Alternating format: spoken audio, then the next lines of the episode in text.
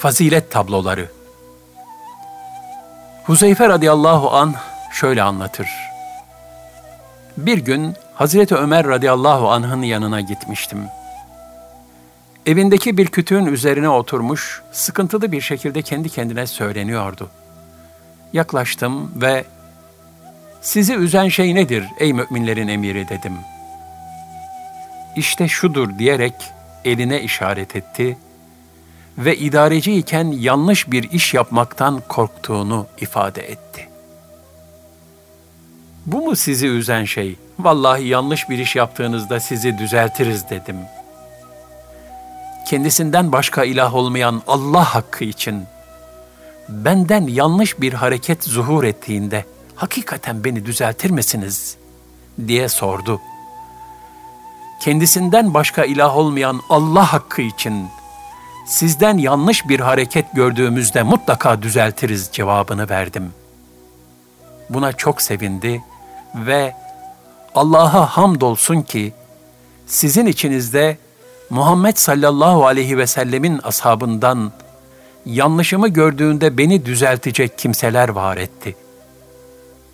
Müminlerin emiri Hazreti Ömer radıyallahu an şöyle derdi. En çok sevdiğim kişi bana ayıp ve kusurlarımı haber verendir. Hazreti Ömer radıyallahu an insanlara bir şeyi emrettiği veya yasakladığı zaman evvela kendi ailesinden başlardı. Aile fertlerini bir araya toplayarak onlara şöyle derdi. Şunu şunu yasakladım. İnsanlar sizi yırtıcı kuşun eti gözetlediği gibi gözlerler. Siz bu yasağı çiğnerseniz onlar da çiğnerler.'' Siz korkup geri durduğunuzda onlar da böyle yaparlar. Allah'a yemin ederim ki herhangi biriniz bu yasaklara uymazsa bana yakın olduğu için ona daha fazla ceza veririm. Şimdi isteyen ileri gitsin, isteyen geri dursun. Şimdi isteyen ileri gitsin, isteyen geri dursun. Hazreti Ömer radıyallahu an tebasının durumunu gece gündüz durmadan teftiş eder, sıkıntılarıyla meşgul olurdu. Bir gece yine Müslümanların ahvalini teftiş için çıkmıştı. Medine-i Münevvere'nin dışında kıldan bir çadır gördü. Bu çadır bir gün evvel yoktu. O halde yeni kurulmuştu. Yaklaştığında içeriden ıstırap içindeki bir kadının sesini duydu. Daha da yaklaştı ve çadırın önünde kollarıyla dizlerini tutarak yere oturan bir adam gördü. Selam verip kimsiniz diye sordu. Adam çölden bir adam. Müminlerin emiri ile görüşmek için geldim. Biraz yardım ve ihsanlarını talep edeceğim cevabını verdi. Aralarında şu konuşma geçti. İçeriden gelen bu ses nedir? Allah sana rahmet eylesin. Var git işine. Hayır, benim için çok mühim. Nedir bu ses? Doğum yapmakta olan bir hanımın sesi. Yanında ona yardım eden kimse var mı? Hayır. Bu cevap üzerine Hazreti Ömer radıyallahu an hemen fırladı ve evine gitti. Hazreti Ali radıyallahu anh'ın kızı olan zevcesi Ümmü Gülsüm'e Allah Teala büyük bir ecri ayağına kadar gönderdi onu kazanmak ister misin dedi. Ümmü Gülsüm radıyallahu anha nedir o diye sorunca gariban bir kadın yalnız başına doğum yapıyor dedi. Hanımı olur dedi. Hazreti Ömer radıyallahu an öyleyse kadın için lazım olacak bez, yağ gibi malzemeleri al, bana da yemeklik yağ ve un ver dedi. Hazırlanan malzemeyi sırtlanan Hazreti Ömer radıyallahu an hanımına hadi gidelim dedi çadırın yanına geldiklerinde ona kadının yanına gir dedi. Kendisi de dışarıdaki adamın yanına oturdu. Bir ateş yakarak tencereyi üzerine koydu. Ateşe üflemeye başladı. Duman sakallarının arasından çıkıyordu. Hazreti Ömer radıyallahu an tam yemeği pişirmişti ki çocuk da doğdu. Ortalığı ağlayan bir bebek sesi doldurdu. Ümmü Gülsüm radıyallahu anha, ey müminlerin emiri, arkadaşına bir oğlu olduğunu müjdele dedi. Bedevi, müminlerin emiri sözünü duyunca dehşete kapıldı ve Halife Ömer'in heybetinden geri geri gitmeye başladı. Hazreti Ömer radıyallahu an olduğun yerde kal dedi ve tencereyi alarak kapının önüne koydu. Hanımı Ümmü Gülsüm'e kadını doyur dedi. Ümmü Gülsüm radıyallahu anha hastayı doyurunca tencereyi tekrar çıkarıp kapının önüne koydu. Hazreti Ömer kalktı, tencereyi alıp adamın önüne koydu. Ve buyur ye. Çünkü sen gece boyu aç ve uykusuz kaldın dedi. Sonra da hanımına hadi çık da gidelim diye seslendi. Oradan ayrılmadan adama dönüp yarın gel ihtiyacını karşılayalım tembihinde bulundu. Adam ertesi gün geldi, Hazreti Ömer radıyallahu anh de ona ikram ve ihsanlarda bulundu. Hazreti Ömer radıyallahu anh'ın bu faziletli davranışından ibret alarak bir idarecinin mesuliyetinin nerelere kadar uzandığını iyice düşünmek gerekir. Bir gün Ahnef bin Kays radıyallahu anh, Irak heyetiyle birlikte Hazreti Ömer radıyallahu anh'ın yanına gelmişti. Çok sıcak bir gündü. Hazreti Ömer bir önlük giymiş, zekat develerinden birini yağlıyor ve bakımını yapıyordu. Onları görünce, Ahnef, üst elbiseni çıkar da bana yardım et. Çünkü bu zekat devesidir. Bunda yetimlerin, dulların ve yoksulların hakkı vardır dedi. İçlerinden biri, Allah sana mağfiretiyle muamele buyursun ey müminlerin emiri. Kölelerden birine emretsen de bu işi yapsa olmaz mı? dedi. Hazreti Ömer radıyallahu an şu güzel cevabı verdi.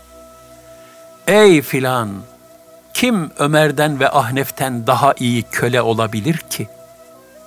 Madem ki o Müslümanların işlerini üzerine almıştır, öyleyse Müslümanların kölesidir. Nasıl ki kölenin efendisine karşı samimi olması ve emaneti hakkıyla ifa etmesi gerekiyorsa, onun da Müslümanlara karşı böyle davranması icap eder. Hazreti Ömer radıyallahu anh'ın kaçan bir zekat devesinin peşinden koşarak onu yakalamak için bizzat uğraştığı da rivayet edilir. Kureyş kabilesinden bir zat, Ömer bin Hattab radıyallahu anh'la karşılaştığında ona, bize yumuşak davran. Zira kalplerimiz gerçekten senin vakar ve heybetinle dolup taştı dedi. Hazreti Ömer, bu davranışımda herhangi bir zulüm var mı diye sordu. Kureyşli zat hayır cevabını verdi. Bunun üzerine Hazreti Ömer radıyallahu an Allah sizin kalplerinizde benim vakar ve heybetimi artırsın dedi. Hazreti Ömer radıyallahu an idarecilerin insanlara karşı takınması gereken tavır hususunda şöyle demiştir. İnsanları idare ancak gevşekliğe götürmeyen bir yumuşaklık, zulüm ve zorbalığa varmayan bir sertlikle yürütülebilir. Saib bin Yezid, Hazreti Ömer radıyallahu anh'ın idarecilik sebebiyle hissettiği ağır mesuliyet duygusunu şöyle anlatır.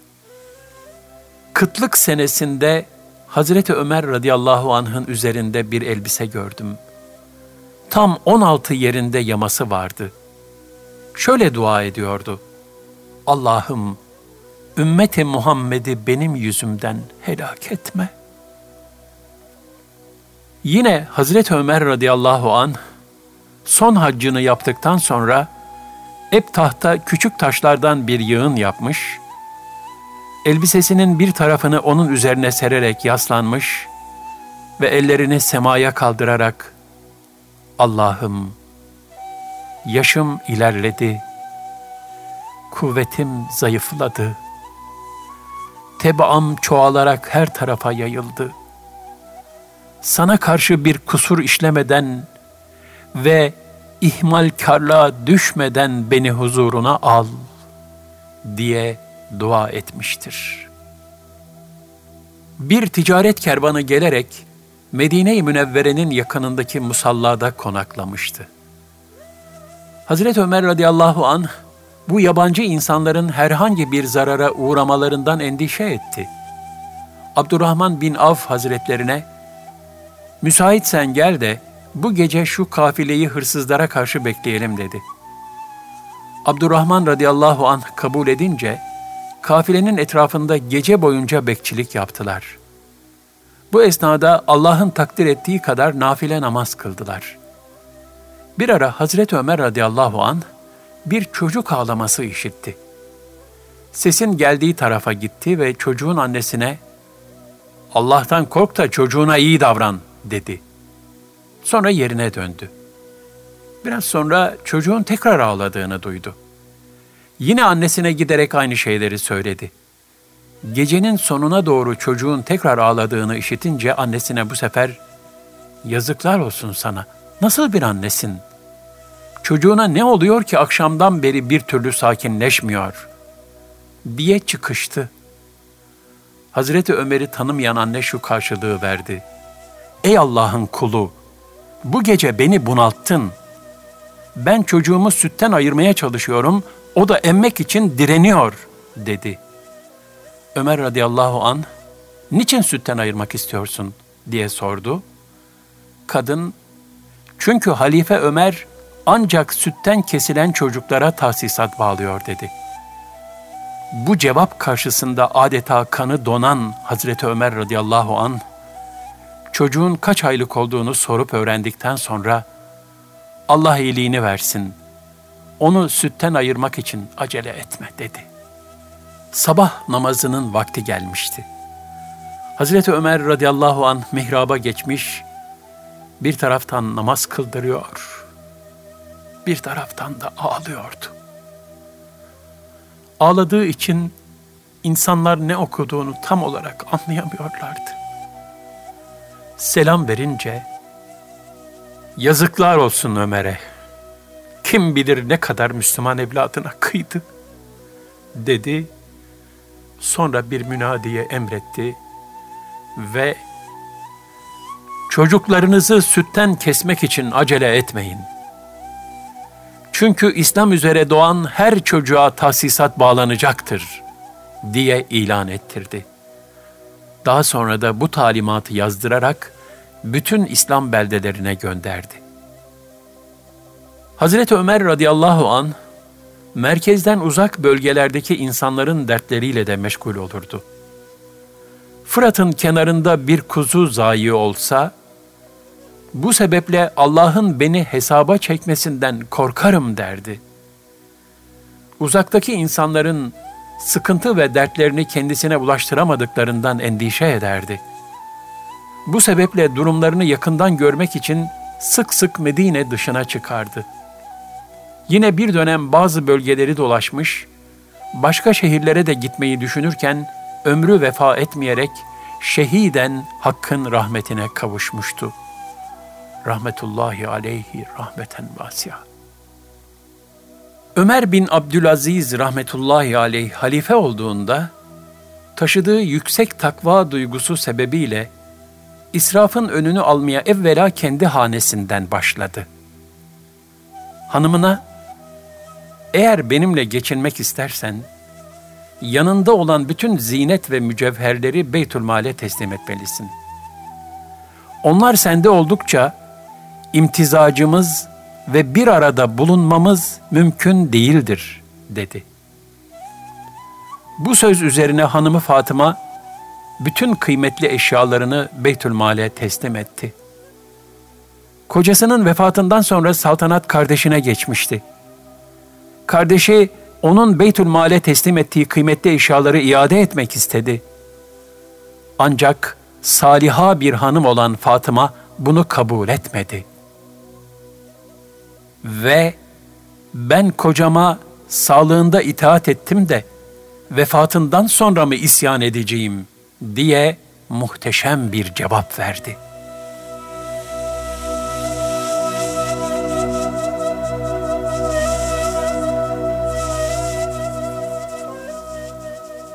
Ömer bin Abdülaziz rahmetullahi aleyh müstesna davranış güzellikleri sergileyerek cemiyetine huzur ve sükuneti hakim kılmış, tarihin şerefle yad ettiği ulvi bir makama yükselmiştir. Onun ümmetin mesuliyetini yüklenmek hususunda taşıdığı büyük emanet şuurunu aksettiren sayısız fazilet manzaralarından birini hanımı Fatıma şöyle anlatır. Bir gün Ömer bin Abdülaziz'in yanına girdim. Namazgahında oturmuş, elini alnına dayamış, durmadan ağlıyor, gözyaşları yanaklarını ıslatıyordu. Ona nedir bu halin diye sordum. Şöyle cevap verdi. Ya Fatıma, bu ümmetin en ağır yükünü omuzlarımda taşıyorum. Ümmet içindeki açlar, fakirler, hasta olup da ilaç bulamayanlar, yalnız başına terk edilmiş dul kadınlar, hakkını arayamayan mazlumlar, küfür ve gurbet diyarındaki Müslüman esirler, ihtiyaçlarını karşılayabilmek için çalışma takatinden kesilmiş muhtaç yaşlılar ve aile efradı kalabalık fakir aile reisleri beni üzüntüye gark ediyor. Yakın ve uzak diyarlardaki böyle mümin kardeşlerimi düşündükçe yükümün altında ezilip duruyorum.'' yarın hesap gününde Rabbim bunlar için beni sorguya çekerse, Resulullah sallallahu aleyhi ve sellem bunlar için bana itap ve serzenişte bulunursa, ben nasıl cevap vereceğim? Hanımı Fatıma devamla der ki, onun ibadeti sizlerinki kadardı.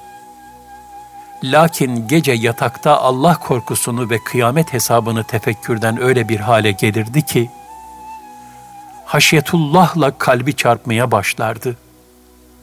Sanki suya düşmüş yahut avuç içine alınmış bir kuş gibi çırpınırdı. Ben de onun bu haline dayanamayıp yorganı üstüme örterdim ve kendi kendime keşke idarecilik mesuliyeti bize tevdi edilmeseydi. Keşke o vazifeyle aramızdaki uzaklık güneşle dünya arasındaki mesafe kadar olsaydı derdim. Şeyh Edebali Hazretlerinin Osman Gazi'yi ve bütün devlet adamlarını istikametlendirecek tavsiyelerinden bir kısmı şöyledir. Ey oğul, beysin. Bundan sonra öfke bize, uysallık sana. Güceniklik bize, gönül almak sana.'' Suçlamak bize, katlanmak sana. Acizlik bize, yanılgı bize, hoş görmek sana. Geçimsizlikler, çatışmalar, uyumsuzluklar, anlaşmazlıklar bize, adalet sana. Kötü göz, şom ağız, haksız yorum bize, bağışlamak sana. Ey oğul! Bundan sonra bölmek bize, bütünlemek sana. Üşengeçlik bize, uyarmak, gayretlendirmek, şekillendirmek sana. Ey oğul, yükün ağır, işin çetin, gücün kıla bağlı.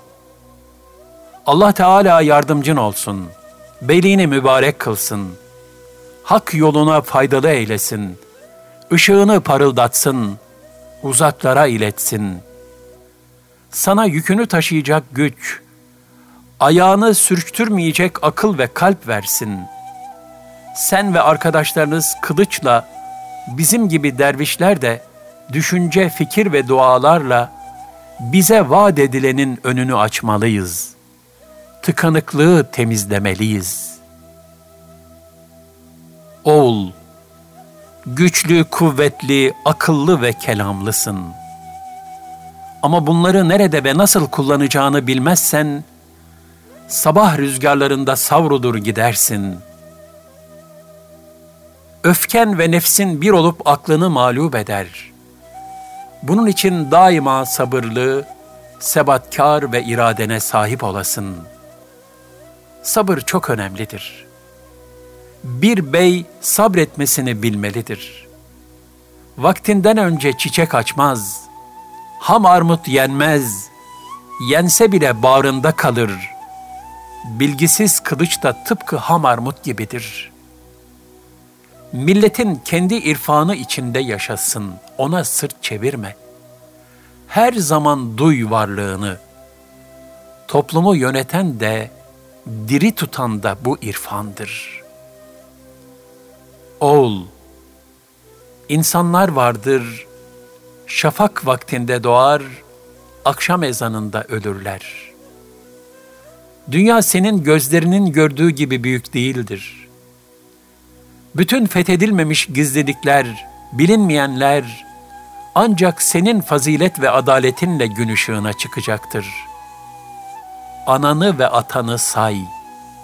Bil ki bereket büyüklerle beraberdir. Bu dünyada inancını kaybedersen, Yeşilken çorak olur çöllere dönersin. Açık sözlü ol. Her sözü üstüne alma. Gördün söyleme. Bildin deme. Sevildiğin yere sık gidip gelme. Muhabbet ve itibarın zedelenir. Şu üç kişiye daha çok acı. Cahiller arasındaki alime, zenginken fakir düşene, hatırlıyken itibarını kaybedene. Unutma ki yüksekte yer tutanlar aşağıdakiler kadar emniyette değildir. Haklı olduğun mücadeleden korkma. Bilesin ki atın iyisine doğru, yiğidin iyisine deli, korkusuz, pervasız, gözü pek derler.'' en büyük zafer nefsini tanımaktır. Düşman insanın kendisidir. Dost ise nefsi tanıyanın kendisidir. Ülke idare edenin oğulları ve kardeşleriyle bölüştüğü ortak malı değildir. Ülke sadece idare edene aittir. Ölünce yerine kim geçerse ülkenin idaresi onun olur.'' Vaktiyle yanılan atalarımız sağlıklarında devletlerini oğulları ve kardeşleri arasında bölüştürdüler. Bunun içindir ki yaşayamadılar, yaşatamadılar. Bu nasihat Osmanlı'yı 622 sene yaşatmıştır. İnsan bir kere oturdu mu yerinden kolay kolay kalkamaz. Kişi kıpırdamayınca uyuşur.'' Uyuşunca laflamaya başlar. Laf dedikoduya dönüşür. Dedikodu başlayınca da gayrı iflah olmaz. Dost düşman olur, düşman canavar kesilir. Kişinin gücü günün birinde tükenir ama bilgi yaşar. Bilginin ışığı kapalı gözlerden bile içeri sızar, aydınlığa kavuşturur. Hayvan ölür, semeri kalır. İnsan ölür, eseri kalır. Gidenin değil, bırakmayanın ardından ağlamalı. Bırakanın da bıraktığı yerden devam etmeli. Savaşı sevmem. Kan akıtmaktan hoşlanmam. Yine de bilirim ki kılıç kalkıp inmelidir. Fakat bu kalkıp iniş yaşatmak için olmalıdır.'' Hele kişinin kişiye kılıç indirmesi bir cinayettir. Bey memleketten öte değildir. Bir savaş yalnızca bey için yapılmaz. Durmaya, dinlenmeye hakkımız yok. Çünkü zaman yok, süre az. Yalnızlık korkanadır. Toprağın ekim zamanını bilen çiftçi, yalnız başına olsa da başkasına danışmaz.'' yeter ki toprağın tavda olduğunu bilebilsin. Sevgi davanın esası olmalıdır. Sevmekse sessizliktedir. Bağırarak sevilmez. Görünerek de sevilmez. Geçmişini bilmeyen geleceğini de bilemez. Osman, geçmişini iyi bil ki geleceğe sağlam basasın.'' nereden geldiğini unutma ki nereye gideceğini unutmayasın.''